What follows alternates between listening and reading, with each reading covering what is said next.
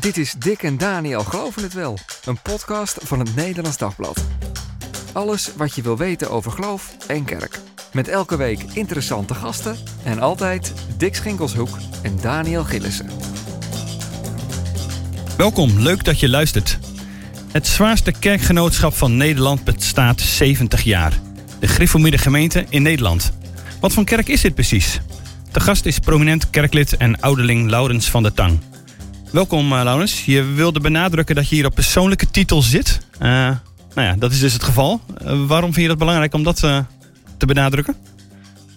Ja, ik ben een van de 23.000 ongeveer leden. Ja. En een van de honderden Amstdragers. En wij zijn een Presbyteriaans kerkverband. Hè. Iedere gemeente is ook zelfstandig. Gewoon van onderaf.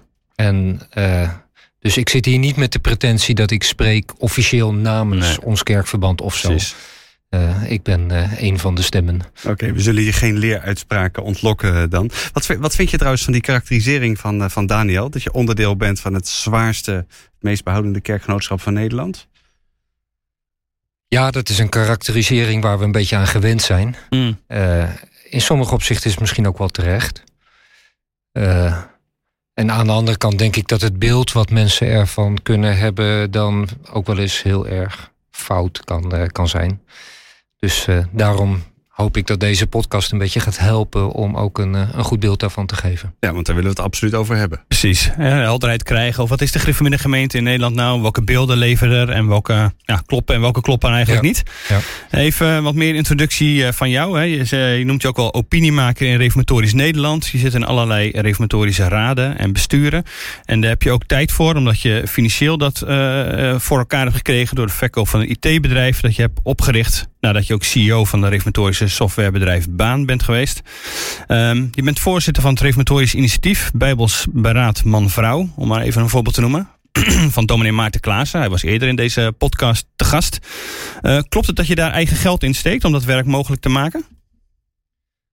Uh, nou, in de eerste plaats Bijbelsberaad Man-Vrouw is geen reformatorisch initiatief. Hè? Dat, is, uh, dat doen ook evangelische kerken in mee. Dat doen migrantengemeentes in, in mee. Dus dat is best breed kerkelijk. Um, ja, hoe ik daar financieel mee omga, dat is, dat is voor mij. Um, ik... Uh, we hebben zo'n vermoeden dat drijft op Laurens van der Tang. Maar... Nee, dat is, dat is in ieder geval een verkeerd vermoeden. Okay. Uh, er uh, zijn heel veel kerken die inmiddels ook financieel bijdragen aan Bijbelsberaad man-vrouw. Maar de, de hele opzet, dus, zeg maar, dat het, dat het er gekomen is, was niet mogelijk geweest, denk ik, zonder financiële steun van jou? Nou, dat, zelfs dat is denk ik sterk. Um, uh, ik heb er financieel aan bijgedragen. Ja. Doe ik nog. Ja. Uh, maar bij far, het grootste gedeelte van de funding komt helemaal niet van mij. Dat komt gewoon van heel veel kleinere giftegevers. Ja. Van gemeenten die bijdragers overmaken. Van spreekbeurten die we doen. Ook van een aantal ondernemers die uh, het uh, steunen. En dat werk groeit behoorlijk, begrepen we van Maarten Klaassen. Dat klopt, ja. ja. Uh, Laurens, je hebt hier een keer eerder gezeten in aflevering 29. Dat is, mm -hmm. uh, was in november 2021. Toen zaten we nog helemaal midden in de coronacrisis. Uh, toen hebben we het over de Great Reset gehad. Uh, jij had er toen een lezing over ge, gehouden in Damboude. En wij vonden, Daniel en ik, dat je, daaraan, dat je daarin nogal wat ruimte gaf aan complottheorieën. En je wilde dat graag bij ons komen, komen uitleggen. Ja. Hoe, ja, hoe kijk je daarop terug? Op de podcast uh, bedoel je? Ja, en, en ook wel op de, op de uitspraken van toen, zeg maar. Maar goed, laten we eerst even naar de podcast gaan inderdaad. Hoe, hoe kijk je naar dat gesprek terug? Nou, ik vond het een, uh, een goed open gesprek. Dus ik, uh, ik kijk daar goed op terug. Ik vond wel, ik moest wel een beetje grinniken. Dat jullie vervolgens het ook nog weer nodig vonden om daarna een podcast te doen. waarin je daar ook op terugblikte op de podcast met mij. Dus kennelijk vonden jullie het ook een beetje bijzonder of spannend. Of ik weet het niet. Maar, het riep in elk geval ook ja, heel erg veel reacties op. Het was ja. toen, uh, we waren toen nog niet zo heel lang bezig met, uh, met de podcastserie. En dit was, dit was de een die ook van, van heel veel lezers, heel veel luisteraars reacties op, opriep en nieuwe vragen. Dus dat was ook wel de belangrijkste reden waarom we dachten, nou, daar moet er nog wel even eentje, ja. eentje achteraan. Ja. Want blijkbaar leeft dit ook. Dat had natuurlijk ook te maken met, uh, met de tijd. We zaten, wat is het, coronamaatregelen. Uh, het was natuurlijk, uh, het was op en top nog, nog de mm. pandemie. Maar inhoudelijk vind je inderdaad dat je hè, dat ervoor gezorgd. Je zei toen van hè, de staten worden steeds autoritairder. Je vreesde dat dat verder zou doorzetten. is dat iets waar je wat je nog steeds signaleert? En tegelijk zijn er veel coronamaatregelen natuurlijk teruggedraaid. Uh, ja, nou ja, kijk, als je naar de pandemiewet uh, kijkt, die is aangenomen inmiddels ook in de Eerste Kamer.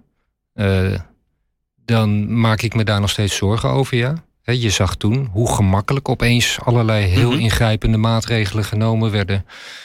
Zonder dat nou, nou zo onomstotelijk vast stond dat dat ook echt nuttig was. Ik denk dat steeds duidelijker wordt dat een aantal van die dingen helemaal niet zo nuttig waren. Denk aan mondkapjes. Ja. Um, en ja, zo, ik zie wel meer van dat soort tendensen. Uh, bijvoorbeeld als het gaat om woke en hoe overheden dat enorm uh, uh, omhelzen en uitdragen. ik maak me daar zorgen over. We zijn dan nog niet kwijt na corona, zeg maar. Dat je denkt, hé, hey, er is nee. toch meer rust gekomen. En die, die, die autoritaire overheidsdwang is eigenlijk wel weer een beetje verdwenen. Nee, dat geloof ik niet. En ik ben er in ieder geval nog steeds een beetje allergisch voor. Voor ja. uh, soort van uh, totalitaire uh, neigingjes. Ja. Dus dat blijf je volgen. Ja. Ja. Interessant. Dus ook interessant, denk ik, in, juist nou, als we naar, vanuit de, gemeente Nederland als we daarover gaan praten. Want daar zullen mensen ook het idee hebben van: hey, je wordt daar in een bepaald frame misschien wel geduwd. Het kan een misverstand zijn waar we het over kunnen hebben. Maar uh, het moet daar op een, op een bepaalde manier uh, gaan. Daar gaan we het nu over hebben, over die gereformeerde gemeente in Nederland. Dick, wil jij eens uitleggen wat voor een kerkgenootschap hebben we het uh, hier Ja, precies? even heel in het kort. Hè, in 1953 dus ontstaan. Dus, dus jullie zijn jarig, Laurens, zou je kunnen zeggen. na een breuk met wat we dan maar even de gewone gereformeerde gemeente noemen. Dat is een, uh, het kerkverband dat de bekende dominee Kersten, die kun je ook van de SGP kennen, uh, die, heeft, die had het in 1907 opgericht. Helemaal aan de uiterste bevindelijke rechterkant van het gereformeerde protestantisme. Alleen de oud-gereformeerden zou je kunnen zeggen, die, uh, die gingen niet mee met die kerk. Nou, die kerk die begint in 1948 na het overlijden van Kerst al heel snel scheurtjes te vertonen. Eerst krijg je de, de afzetting van de Venendaalse dominee Kok in 1950, die het rond de, de redding van de mens te ruim zag uh, in, de, in, de, in de opinie. En in 1953 dus de scheuring zeg maar naar de andere kant. Uh, die leidde tot de gemeente gemeente in Nederland. Dus, dus je hebt dus een onderscheid tussen de gemeente gemeente en de gemeente in Nederland. Voor mensen die dat niet zo scherp hebben. En uh, toen verlieten dominees als Steenblok en uh, Malan de, de kerken. Concreet leerverschil dat daarbij wel wordt genoemd is het algemeen aanbod van genade. Als God niet iedereen tot redding heeft uitverkoren een tamelijk belangrijk onderdeel van de gereformeerde leer uh, natuurlijk. Kun je dan wel iedere kerkganger de mogelijkheid van die redding voorhouden, presenteren? Ja, vonden ze in de gereformeerde gemeente. Nee, zeiden Steenblok en de zijnen. En dat was 1953, uh, Laurens. Speelt dat thema van het algemeen aanbod van genade nog steeds in de gereformeerde gemeente in Nederland? Ja, hoewel eigenlijk, Dick, ik denk niet dat je het helemaal goed verwoordt. Vertel. Uh, je, je zegt het van ja, je mag niet iedereen de mogelijkheid van redding voorhouden. Zo is het niet. Die mogelijkheid is er inderdaad. Die wordt ook uh, aan iedereen verkondigd. Uh, waar denk ik in de kern meer om gaat, is dat binnen de geïnformeerde gemeente in Nederland men uh, het, het als bijbels en belangrijk ziet dat als God een mens bekeert, dat het dan belangrijk is dat hij zich eerst realiseert dat hij een zondaar is. Want je moet zondaar zijn, wil je ook behoefte hebben aan genade. Ja, maar dat zullen ze in de uh, gemeente ook zeggen. Dat klopt. Um, alleen het algemeen aanbod van genade, zoals dat dan soms verkondigd wordt... en zoals men daar binnen de geïnformeerde gemeente in Nederland uh, dat niet zou doen...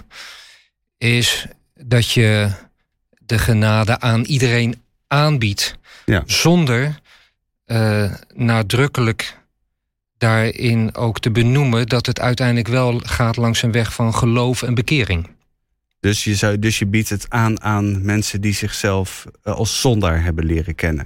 Ja, zo zou je dat kunnen zeggen. Ja, ja. Dus in die zin is het, is het beperkt. Terwijl je tegelijkertijd tegen iedereen wel zegt dat er de mogelijkheid van zalig worden is dat de gewone weg voor de Heer om dat te doen is door het gebruik van de genademiddelen. Dat je daar dus ook niet, uh, hoe zal ik zeggen, uh, wanhopig in zou moeten zijn of hoeven te zijn. En aan de andere kant, bekering is wel een, een werk van God. Als het aan ons zou liggen, dan kiezen wij nooit voor God. dan, dan kiezen we altijd weer hardnekkig precies de andere kant. En, maar dat, dat dan ze dus heel veel mensen zeggen: ja, maar als, uh, als God van, van, van, van eeuwigheid heeft besloten wie er gered worden en wie er niet gered worden, uh, hoezo dan de mogelijkheid van de genade? Want dat ligt al vast.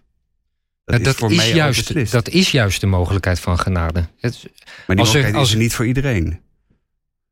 Ja, maar wat, wat dat geldt voor alles. Hè? Als, we, als, als je echt gelooft dat God alles bestuurt, overal in alle opzichten in controle is, tot in de kleinste dingen toe. En dus ook als het gaat over de zaligheid van mensen, dan is het natuurlijk zo dat, ja, inderdaad, hè, dan, dan zou je heel fatalistisch kunnen uh, gaan redeneren en zeggen, nou ja, dat, dat doet, maakt toch niet uit. Dan zijn we uiteindelijk allemaal robots. Maar ja, dan hoef ik ook niet naar deze podcast te komen om het uh, uit te leggen. Uh, nou, hoe dat het, hoe het zit. Hoe het en, mm. ik bedoel, dat zou je eigenlijk helemaal niks meer hoeven te doen. Je hoeft ook niet meer naar school te gaan nee. om, een, uh, om, om een studie te doen. Je hoeft ook niet meer te werken.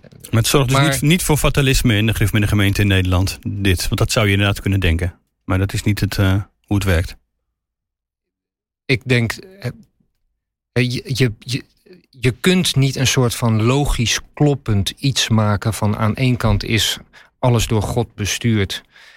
En, en, uh, en aan de andere kant de menselijke verantwoordelijkheid. De menselijke verantwoordelijkheid blijft gewoon 100% staan. En, uh, en, en, die moet je niet proberen in een logisch kloppend systeem te, te, te persen. Want God is zoveel groter dan, dan wij. En ook dan logische systemen. Ja. ja. Maar het dus, klinkt als een systeem. Als ik, nou, als ik dit hoor, denk ik, ja, maar het is toch een. Er is een soort systeem dan toch nou, neergelegd over hoe het werkt? En het is uh, uh, dominee Steenblok, die zeg maar aan de basis stond van jouw, jouw uh, kerkverband, is dat ook wel vaak verweten. Dat hij, er een heel, dat hij juist heel logisch ver doorredeneerde. Nou, hij was een, hij was een wetenschapper ook. En hij, die houden van logisch redeneren hij had vaak. Een, hij had een, ja. een, een strakke manier van redeneren en theologiseren. Maar hij had ook een hele bijbelse manier van theologiseren. Als je zijn preken leest. Ik heb uh, zondag een week geleden in onze gemeente heb ik een, een, preek van hem gelezen in, uh, in, in, een dienst van ons. En dan merk je van ja, maar dat is gewoon mainstream uh, geïnformeerd.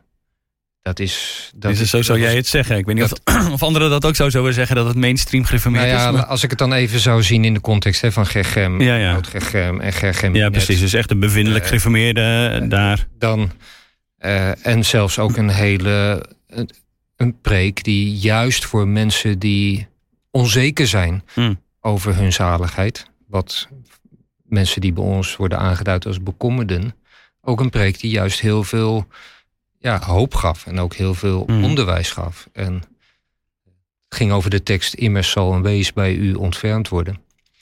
Uh, en ja, dat deed hij op een hele bevindelijke, maar ook hele, hele goede manier. Ja, een hele pastorale manier. Ja. ja. Want waar, waar, is het dan op misgegaan uh, bij de, in 1953? Nou, er was een, een leergeschil dat ging dan over dat aanbod van genade. Hoewel als je daar de verslagen over leest van de gesprekken die toen plaatsvonden, dan was er ook wel spraakverwarring. En vraag je je soms ook wel eens af of er de wil was om elkaar echt te man, begrijpen. Mannetjes uh, tegenover elkaar. Ja, er was onherbiedig mogen zeggen over dominee Steenblok en uh, anderen. Maar... Nou, Steenblok zelf was een hele bescheiden en in de persoonlijke omgang innemende uh, persoon. Heel nederig. Uh, ik heb hem zelf natuurlijk niet gekend. Nee, Hij is van voor mijn tijd, maar dat is wat mensen mij vertellen die hem persoonlijk gekend hebben. Dus dat was nou niet zo'n mannetje in die zin. Hoewel die zeker zijn nadrukkelijke overtuiging. Zijn mannetje had. stond. ja. Maar hij was natuurlijk iemand die. Hij kwam uit de gereformeerde kerken. Hij kwam het kerkverband van de gereformeerde gemeenten binnen, kreeg daar snel een behoorlijke positie. En hij wekte, denk ik, ook wel een bepaalde aversie. Eh, binnen uh, de geïnformeerde gemeenten bij een deel van de predikanten. Ja, want hij was een gepromoveerde theoloog. Die, die, die had je verder niet in, uh, in het kerkverband. Ja. Bracht ook een heleboel wetenschappelijke kennis mee. Ja. Dus dat zal misschien ook wel voor spanning hebben gezorgd. Ja, en, en, en legde ook wel theologische accenten waarvan mensen zich dan afvroegen van... oh, maar is dat wel wat wij altijd hebben uh, geleerd? Maar ik denk dat een stuk aversie tegen hem... dat dat nadrukkelijk ook een rol heeft gespeeld. En vervolgens, als je dan leest over hoe die synode ging... waarop mm. de scheuring ontstond... Ja, er was dan een soort van bijna complot uh, bedacht waarbij Steenblok uh, als docent werd, uh, min of meer werd afgezet. Ja, hij moest, uh, hij moest eruit. Ja, en hij, dat was, stond niet op de agenda, maar dat werd opeens ingebracht. En hij kreeg ook geen gelegenheid om zich te verdedigen of wat dan ook. Dat, was, dat werd opgebracht, er werd een, viel een besluit. En toen stonden wat dominees op die het daar niet mee eens waren... en die verlieten de vergadering. Onder wie Malan, begreep ik. Onder wie dominee Malan. En, ook een menselijke wijs een prominente rol heeft gespeeld natuurlijk in, in het kerkgenootschap. Zeker, ja. ja. En menselijke wijs gesproken zou je dan denken... ja, als op dat moment iemand de pauzeknop had ingedrukt... Mm. En uh, even pas op de plaats gemaakt dan, dan zou je denken dat eh, het niet tot een scheuring had hoeven te komen. Ja, want zo extreem is het verschil dus eigenlijk niet, hoor ik je daarin ook zeggen, tussen de Griffemiddag gemeente en de Griffemiddag gemeente in Nederland. Nou, het aparte, als je, als je leest hoe de gesprekken gingen, maar ook als je leest wat dokter Steenblok schreef, eh, dan krijg je geen moment de indruk dat hij aanstuurde op een scheuring. Helemaal niet. Uh, en, en ik weet niet of dat bij zijn tegenvoeters wel het geval was, misschien ook wel niet. Uh, maar het is wel zo dat er een ferm besluit ergens viel van ja, die man die moet echt, uh, die kan niet langer docent zijn. Ja. En dat er toen een soort van escalatie ontstond. Uh, en, en die zal zijn dieper liggende oorzaken ook wel hebben gehad met liggingsverschillen mm. en ook wel verschillende opvattingen over misschien over hoe je leeft. Over het aanbod van genade. Maar echt, maar echt nodig was het niet geweest, zeg maar. Dat is. De collega, Willem, uh, collega Willem Bouwman heeft uh, in het Nederlands Dagblad vrij uitvoerig uit de doeken gedaan hoe dat 70 jaar geleden is gegaan. Die, die scheuring. En daar komt inderdaad wel een, hele chaot, een heel chaotisch beeld. Ja. ook van die, van die, met name van die laatste vergadering ja. naar voren. Waardoor je denkt, nou, was, precies, was het eigenlijk wel nodig geweest? Ja. Had het niet voorkomen kunnen worden? Ja. Maar ja, dat is achteraf praten. Absoluut. Ja, en terug waar we begonnen, later, ja. sprekend over voorzienigheid dan geloof ik ook wel, het heeft zo moeten zijn. Dat blijkt, want het is zo gelopen. Uh, niet dat ik altijd begrijp waarom dat zo heeft moeten, moeten lopen. Uh, maar ja, het is een feit. Zeg je daarmee trouwens dat alles wat inderdaad gebeurt... dan ook zo had moeten lopen inderdaad? Ook, want de, uh, als je zegt het is voorzienigheid... en uiteindelijk ja, heeft, dat zo, heeft het zo moeten gaan. Heeft het, heeft het zo moeten zijn. Is het ook Gods wil geweest? Ja, ja. ja. 100 procent. Dat betekent niet dat ik daarmee iets goed praat wat niet goed is. Hè? Ik blijf volledig verantwoordelijk voor wat ik doe. Ja. Um, maar niettemin geloof ik dat uiteindelijk alles God doet met alwijze bedoelingen. Het, het, en het loopt hem ook helemaal nooit uit de hand. Hij stuurt recht op zijn doel af. En hij laat niets aan het toeval over. Dus ook dit is niet toevallig dat hm. het gebeurd is. Ja. ja. dat voor veel mensen daar wel een spanning zit. Dus aan de ene kant menselijke vrijheid en verantwoordelijkheid dus ook. Want verantwoordelijkheid en vrijheid gaan altijd samen op. Als je geen vrijheid hebt, heb je ook geen verantwoordelijkheid. En aan de andere kant God die, uh, die alles bestuurt, die alles in de hand heeft. En uh, buiten, buiten wie niets, uh, niets zomaar gebeurt. Daar zit, ook, daar zit ook een spanning. Voor ons menselijke verstand wat dat logisch wil begrijpen. En dat, dat willen menselijke verstanden ja. nog wel eens natuurlijk. Maar ja, we zijn beperkte mensen met beperkt, een beperkt verstand. Bovendien een zondig, zondige mensen. Dus ons verstand is niet alleen beperkt, het is ook aangetast door de zondeval. En daarom hebben we geneigd om ook verkeerde gedachten te, te hebben. Uh, en dat is nou juist, denk ik, wat we moeten leren. Dat is de kern van het probleem. Ja, en, dan, en, en wie zich zo leert kennen als een zondig gevallen mens, die krijgt behoefte aan genade.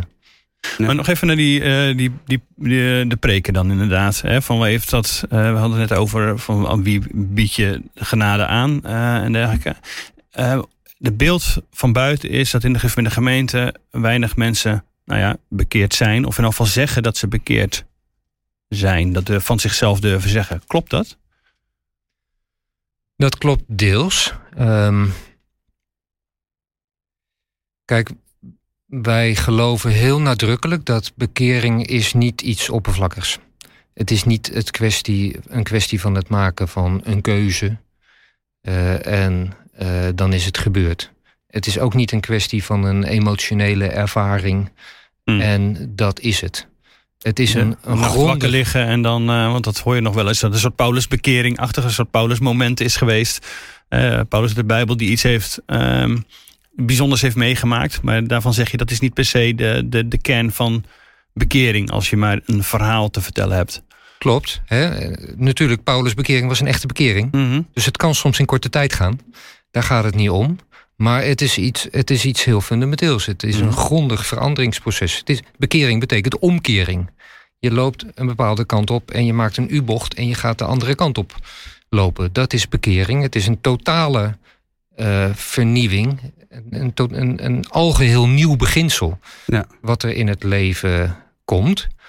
Uh, en het gebeurt niet in een hoekje. Je, dat weet je dan ook hmm. bij jezelf. Uh, dat dat gebeurt. Nou, vervolgens is het wel zo dat, dat het inderdaad zo is dat er mensen in onze kerken zijn die, als je daar van een afstandje naar kijkt, dan denk je van ja, het zou best kunnen zijn dat de Heer daar een goed werk in begonnen is.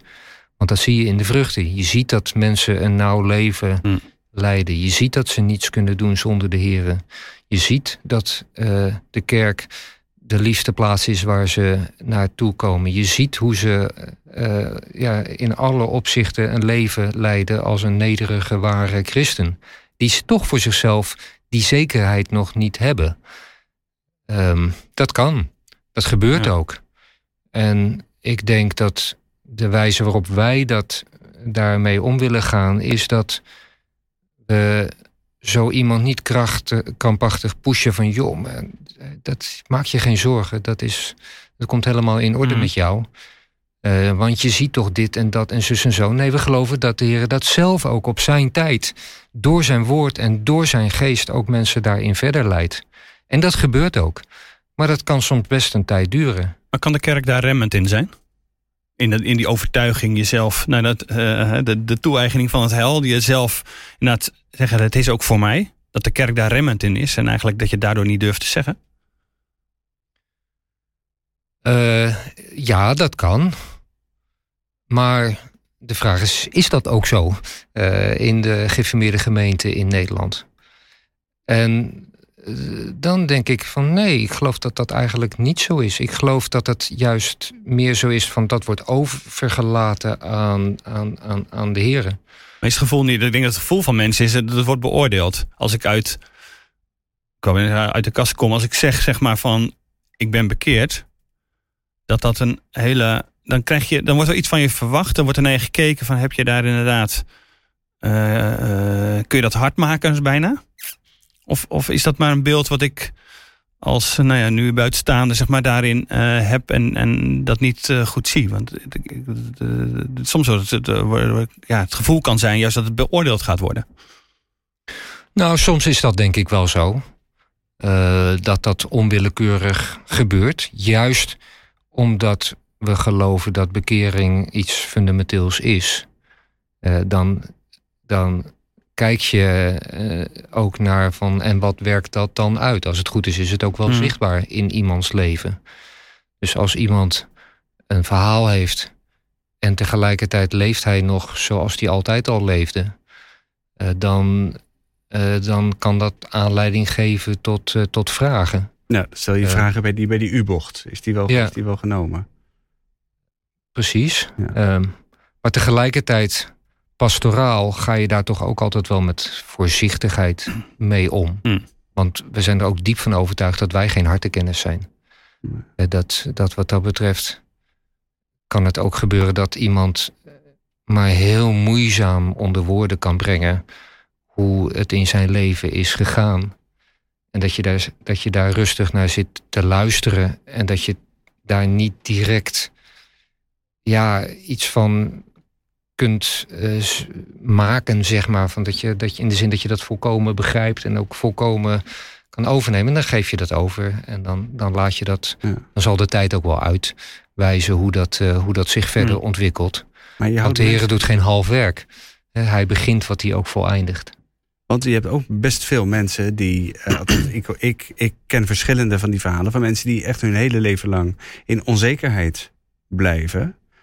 Uh, nou, tot aan hun sterfbed toe. En daar dan dus ook echt doodsangsten uitstaan.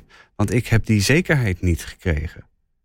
Um, en dan zou je, bedoel, aan de andere kant wordt het natuurlijk best vaak. Uh, we zijn in de reformatorische kring gewaarschuwd voor. Uh, voor een, een, Jezus van vijf, vijf, letters, een gestolen Jezus. Dus dat je iets bedenkt over jezelf wat niet zo is.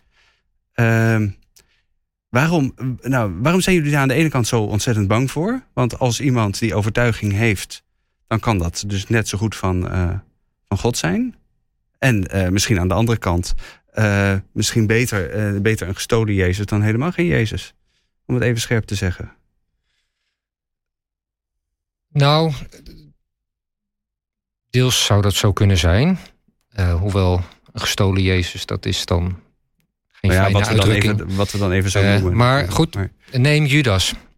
Ik denk dat Judas lange tijd volstrekt ervan overtuigd was... dat hij een ware volgeling van Jezus was. He, ook, ook Judas heeft alles verlaten om hem te volgen.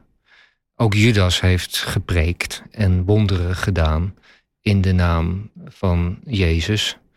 En uiteindelijk ontstond er toch een moment waarbij hij zei: Too much. Dit is. dit trek ik niet. Ja. En, en, en, en hij verriet de Heer Jezus. En toen bleek dus dat Judas toch geen ware discipel was. Dus het onderscheid tussen schijn en zijn doet ertoe. Um, en daarom is een deel van de taak in de preken ook om dat ook dan duidelijk te maken van ja, wat is dan Gods ware werk?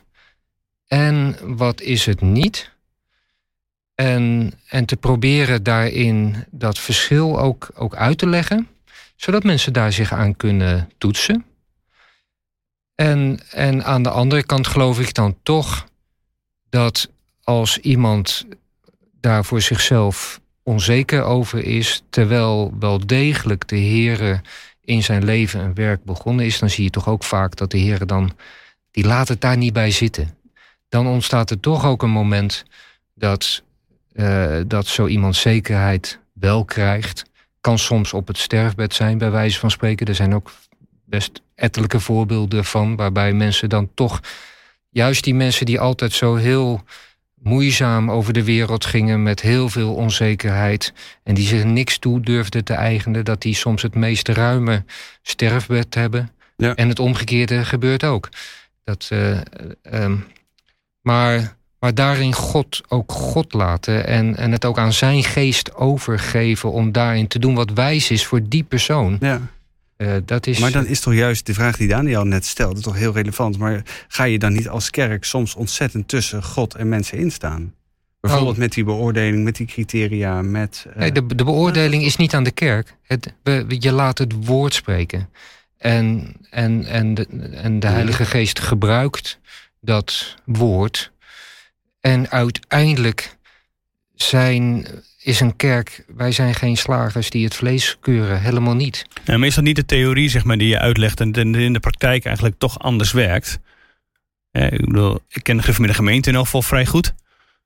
En daar zie je toch de, de, de, de, theoretische regel is denk ik zoals je die uh, uitlegt. Maar in de praktijk werkt het toch als een beoordeling. Heb je dan niet wel dat je denkt, oei, dan moeten we enorm mee uitkijken wat we inderdaad zeggen. Als de ouderling, je bent zelf ouderling, op bezoek komt nadat iemand voor het eerst aan het avondmaal is gegaan bijvoorbeeld. Of dan, dat, uh, dat ja, ga, je dat, ga je dat stimuleren of ga je dat overremmen? Ja. Nou, wij, wij zijn daar heel voorzichtig in. Ik, ik zal niet ontkennen dat er soms uh, dat, dat, er, dat er voorbeelden zijn waarbij die voorzichtigheid niet in acht werd genomen. En dat, dat praat ik dan ook niet goed. Aan de andere kant, Stel, je hoort iemand een verhaal vertellen en op je klompen aan voel je dat iemand zich toch echt vergist. Um, dat kan. Uh, dan heb je juist ook een verantwoordelijkheid om daar ook eerlijk in te zijn. En ik kan me bijna niet voorstellen dat ik in de grif met de gemeente in Nederland, als je deze stap zet. Welke stap? De stap om aan het avondmaal te gaan bijvoorbeeld. Hè, dus, of daarvoor uit te ja, publiek te maken dat je ervan overtuigd bent. Dat je, nou ja, laat ik hem even eh, zeggen, dat je bekeerd bent. Dat, dat, je, dat, dat je daar geen, nou ja, geen verhaal bij hebt, zeg maar. Juist degene, de topje van de ijsberg zou ik bijna denken, uh, komt zover. Omdat de rest eigenlijk denkt, ja, maar het is niet genoeg. Het niet genoeg voelen is toch wel heel groot in de gemeente in Nederland. Ja, en toch denk ik dat je dan niet helemaal het goede beeld hebt hmm. van hoe daar in de praktijk mee omgegaan wordt. Uh, en ik kan niet van alle kerkverbanden natuurlijk spreken en, en, hmm. ook niet van alle gemeenten. Ik weet hoe het in onze gemeente bijvoorbeeld gaat. Ik weet hoe het in sommige andere gemeentes gaat. En dan bijvoorbeeld als iemand uh, voor het eerst deelneemt aan het, uh, aan het avondmaal, dan is het de gewoonte dat een paar mensen uit de kerkenraad op bezoek komen en aan je vragen: joh, vertel eens, hoe is dat gegaan? En dan wordt daar vooral geluisterd. Hm. Dat, dat kan ik echt zeggen. Uh, en het is eigenlijk niet zo, het zal niet zo vaak voorkomen dat er dan heel expliciet een mening wordt gegeven over van joh, dat is goed of nee, dit, je vergis je echt. Meestal wordt er geluisterd. Soms worden voorzichtig ook suggesties gedaan van joh, hè, dat, dat, dat uh, van ja, maar hoe zit dit dan? Hoe zit dat dan? Uh, maar het is meer luisteren dan, dan oordelen. Mm. Met het volle besef dat je uiteindelijk daarin zelf ook een mens bent die zich kan vergissen. En dat je geen hart te kennen bent. En ook een beduchtheid om ook zelfs het kleinste werk van God, om dat ook aan te tasten. Want uh, ja, daarin moet je ook voorzichtig zijn. Ja. Er, zijn, uh, er zijn maar heel weinig mensen. Als je kijkt naar de, de, de, de totale gemeente, bijvoorbeeld in de gemeente in Nederland. In de totale gemeente zijn er maar weinig mensen die aan het avondmaal gaan. Dat is niet de hele gemeente. Zoals je bijvoorbeeld in andere geïnformeerde kerken hebt, dat eigenlijk alle, alle volwassenen wel aan het avondmaal gaan. Dat is in de geïnformeerde gemeente in Nederland niet zo. Dat gaat om een, om een handjevol uh, mensen die dus die, die, ja, zeg maar die U-bocht-ervaring uh, hebben meegemaakt en daar en daar voor zichzelf zoveel zekerheid van hebben dat ze, dat, dat ze die stap kunnen, kunnen zetten. Um, heb, heb, heb jij zelf zo'n zo'n U-bocht-ervaring meegemaakt? Ja, dat, ja, is misschien een hele persoonlijke vraag zo. Maar, maar ja, goed, ik ben hier om te praten over 70 jaar ja. en net. Um, maar ja, ik geloof dat de Heer dat in mijn leven wel gewerkt heeft. Nou, dat vind ik wel bijzonder om, uh, om te horen. Ja. ja. Heb jij, um, bedoel, hoe heeft dat jou, jou zelf veranderd? Ik bedoel, wat je zegt, het is, het is een U-bocht. Ben je echt anders naar dingen gaan kijken? Om even voor mensen een beeld te geven van hoe dat dan, hoe dat dan werkt. Is je karakter veranderd? Hoe, uh... Nee, je karakter blijft je karakter. Um, ik hoop wel dat, uh, dat wat de Heer daarin geeft, is dat daar wat hier en daar wel wat andere uh, gerichtheden in ontstaan. Dat een en, beetje bijgeveld ja. wordt. En, ja. Um, maar goed, als, als je het heel praktisch bekijkt. Ik werkte in die tijd bij, bij Baan, wat een, een mega snel groeiend IT-bedrijf was, mm. waarin ik zeg maar meedreef omhoog. en was 100% bezig met mijn werk. Um, en dat, dat was mijn hele leven buiten huwelijk en gezin. Er was er werk en verder niks. En ik ging naar de kerk omdat ik naar de kerk moest. Uh, maar eigenlijk, de preken zeiden mij niets. Die, uh, ik zat vaak met mijn gedachten ergens, uh, ergens anders om eerlijk te zijn. Um, en ja, ik, wat ik ondervonden heb, is dat ik op een gegeven moment me realiseerde dat ik een slaaf was van mijn werk. Maar dus eigenlijk ook meer een slaaf van de duivel dan een kind van God. Um, en dat, dat ik daarin maar een heel arm mens was. Dat ik God niet kende.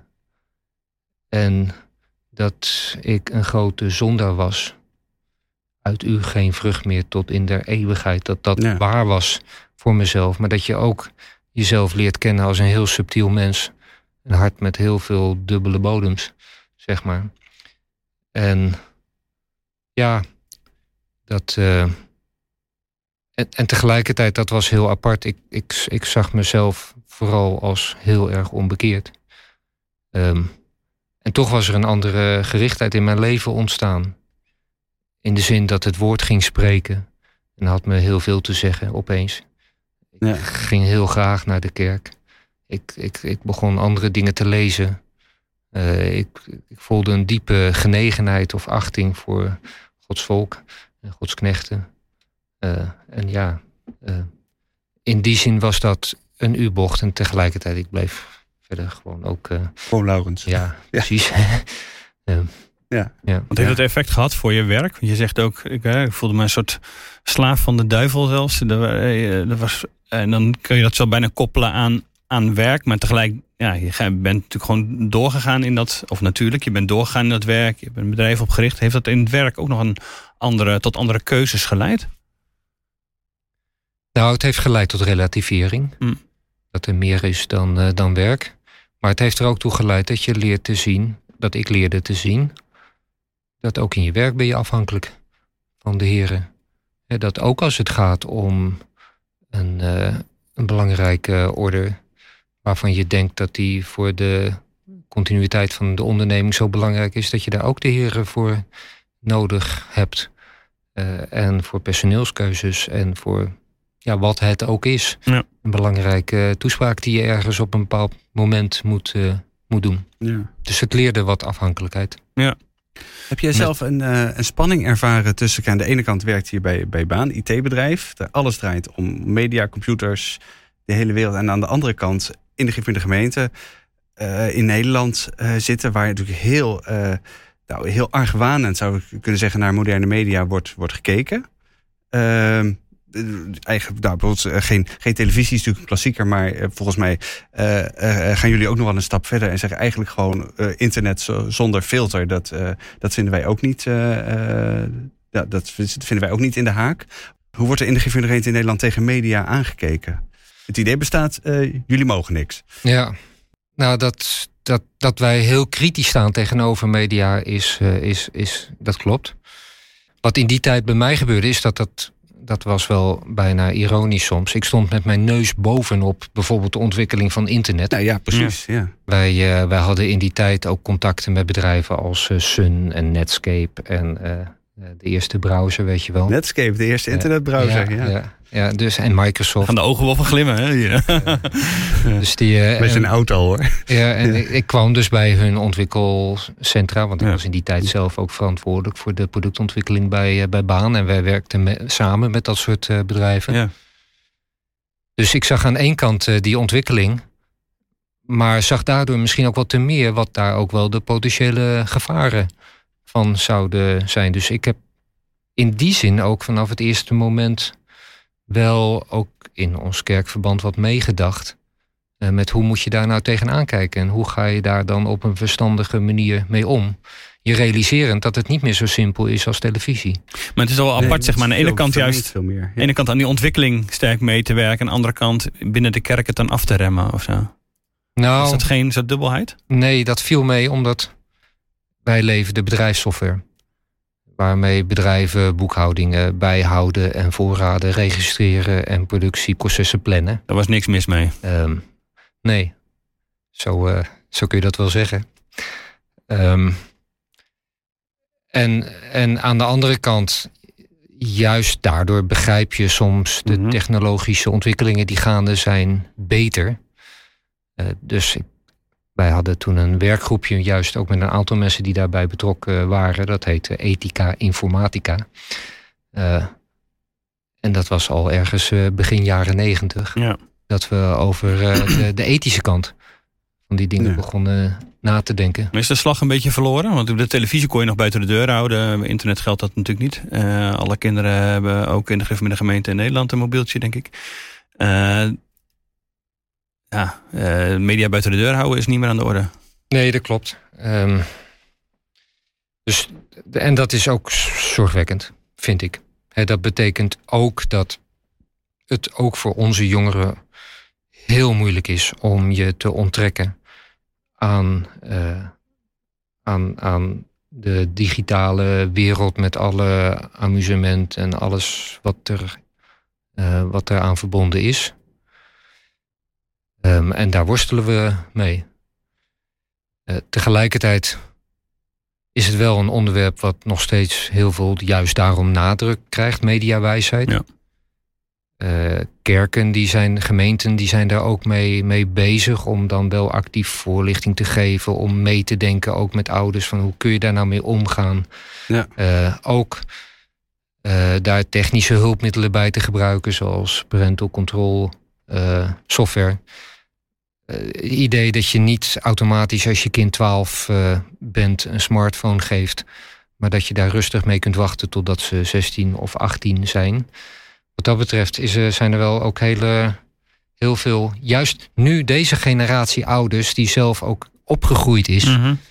Eh, en die ook de, de gevaren wel aan de lijf heeft ondervonden, zie je dat die ook ervoor kiezen om meer bewust met daarmee om te gaan. En die dus dan bijvoorbeeld heel nadrukkelijk de keuze maken om een kind uh, wat naar de middelbare school gaat, geen mobieltje te geven. Nee, ik denk dat wel meer ouders dat wel zouden willen.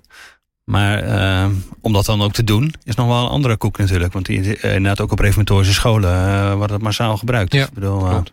Ja. Dan, dan is het niet zo makkelijk om tegen je kind te zeggen... nou ja, jij maar even geen mobieltje... terwijl al zijn vrienden dat wel hebben natuurlijk. Ja. ja. Maar ja, weet je... dat is ook wat onze kinderen tegelijkertijd in allerlei opzichten wel moeten leren... dat ze een minderheid zijn. En dat je dan ook soms keuzes maakt die heel haak staan op wat de grote meerderheid van de mensen doet. En die, en die de kerk of de gemeente niet voor jou maakt. Omdat ze dat niet meer kan misschien. Dat je nee, zo'n keuze als van geen mobieltje als je bij je twaalfde. Ja, dat is een keuze die ouders moeten, moeten maken. Daar, daar, daar, daar kun je nauwelijks, denk ik, als kerk... en daar kun je adviezen in geven...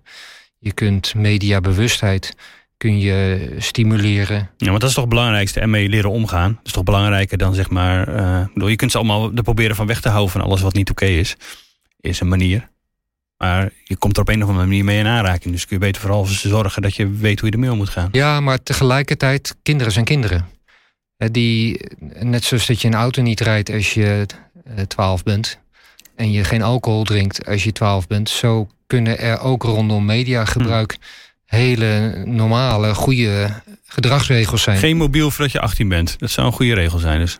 Wat mij betreft wel, ja. Dat Invoeren. Is ik... Overheidsverbod op uh, nou, ik, mobiel gebruik. Ik, zie, ik zie het niet meer gebeuren. Maar, maar, nee, maar uh, uh, volgens mij is ook vanuit de synode van de Gemeente in Nederland... een aantal jaar geleden gezegd van... maar wat is het mensen die, die lid zijn bij ons... en die geen gefilterd internet hebben... die kunnen niet hun kind laten dopen, bijvoorbeeld. Daar, daar, daar, daar, is, er zijn beperkingen, toch als ik het wel heb. Um, niet helemaal zo precies, maar ja, uh, er werd nadrukkelijk uh, gevonden dat je filtersoftware zou moeten gebruiken. Ja. ClickSafe. Um, en dat is nog steeds iets wat ook in huisbezoeken wel gevraagd wordt. Uh, van hoe gaan jullie om met digitale media in je gezin. Ja. En, en dan wordt er over dit soort dingen wel gesproken. Maar als er dan een stel is dat zegt nee, wij hebben gewoon, wij hebben Netflix. En wij kijken, uh, we kijken alles wat los en vast zit. Dat zullen ze net niet zeggen misschien. Nee, het is niet heel verstandig op een huisbezoek. Maar. Dat zullen ze niet zeggen, maar dat, dat, je voelt dat dat zo is.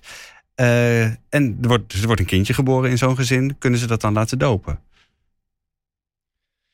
Nou, zo'n situatie heb ik niet bij de hand gehad.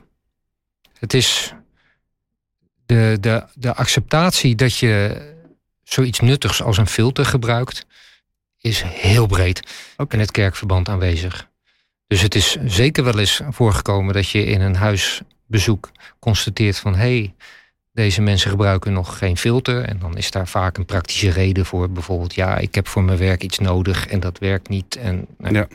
Uh, maar in de praktijk wordt daar altijd een oplossing voor, uh, voor gevonden.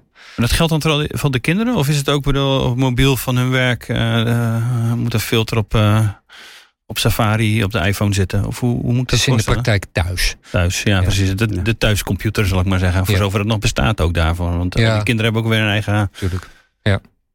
ja. Devices heet dat, geloof ik. Ja.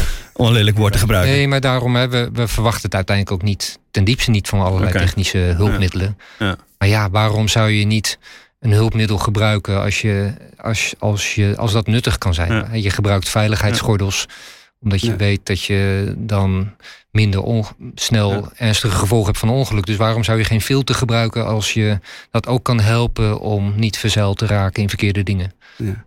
Nog even over, uh, dat heeft een beetje hiermee te maken met de, de soort, de, nou ja, het gevoel van controle die, die een kerk heeft over je leven. Uh, dan gaat het vooral vaak over uiterlijkheden. Ook als het over de gif de gemeente in Nederland gaat. Maar dat geldt voor andere bevindelijke kerkgenootschappen ook.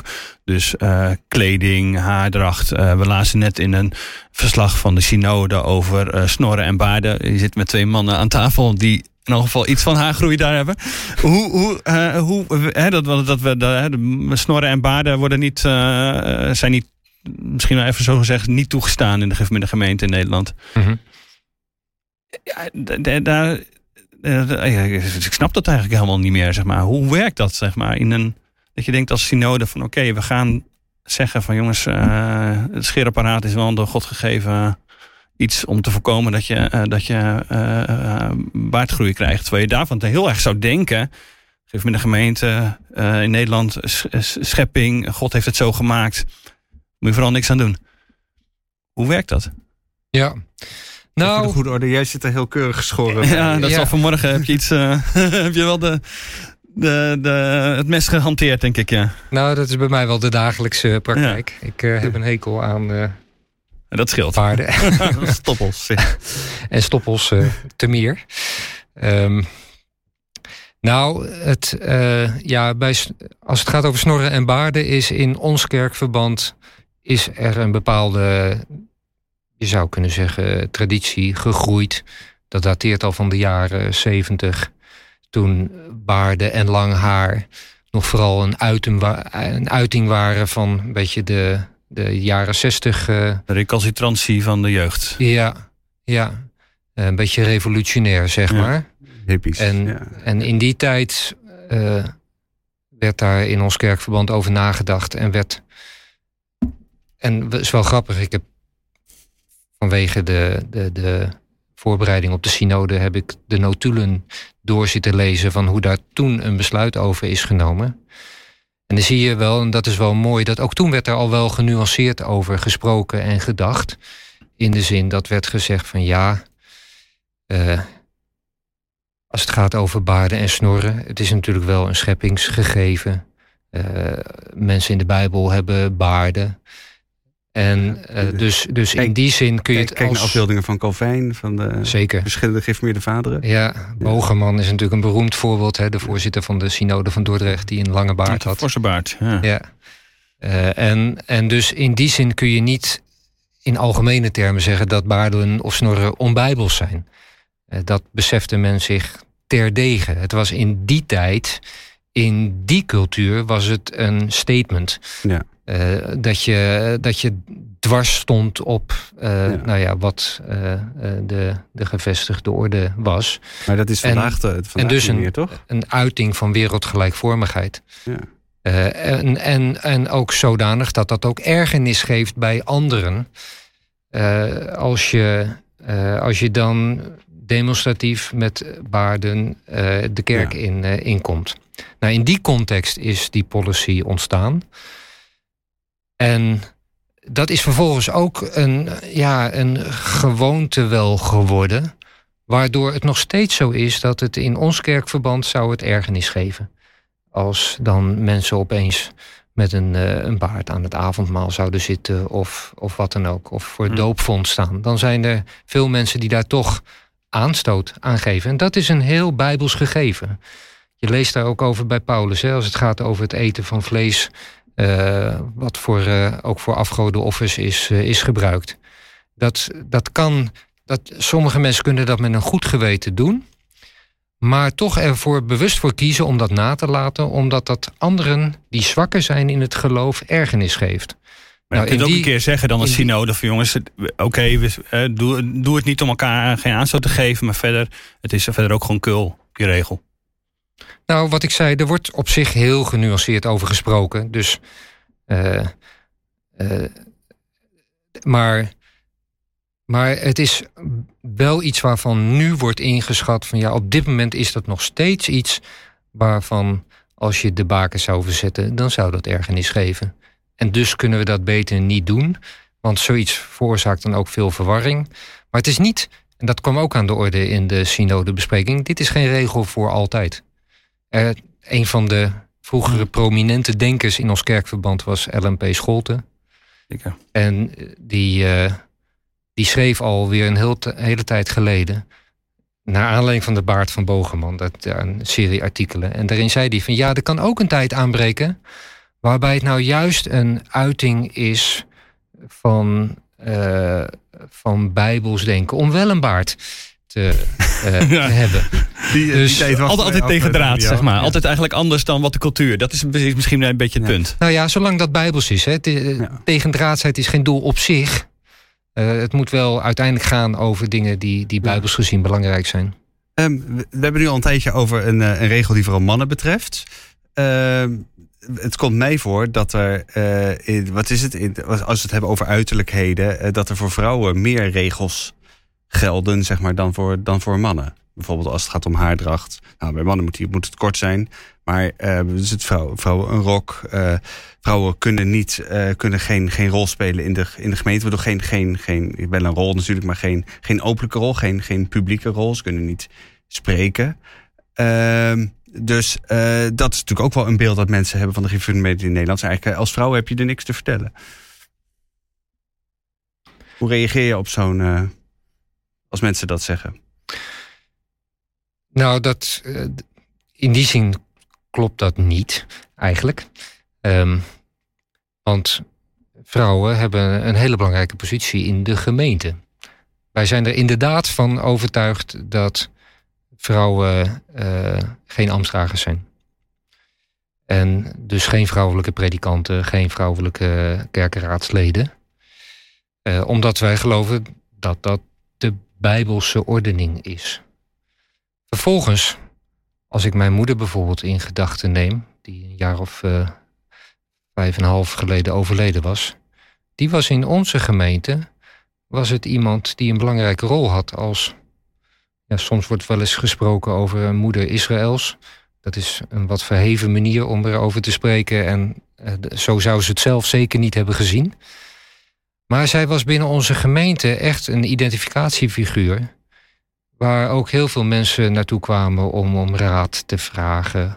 Uh, en en die, die een soort van speelfunctie had in de, in de gemeente. Ja, maar, ze, maar ze mocht niet stemmen bij een, uh, bij een gemeentevergadering. Nee, maar dat, daar zat ze ook totaal niet op te wachten. Oké, okay. maar zij, als vrouw zij, er wel op zitten wachten? Of denkt van die ruimte is er voor, voor mij wel, waarom, waarom krijg ik die niet? En waarom mijn man, die er geen bal van snapt, uh, waarom moet die namens ons naar die, naar die vergadering? Ja, dan lees je kennelijk de Bijbel toch op een heel fundamenteel andere manier. Zoals wij hem lezen. En ik denk als je dat echt, als dat je diep gewortelde overtuiging is, dan moet je niet in ons kerkverband zijn. maar informeel, formeel geen rol, informeel wel een rol. Ja.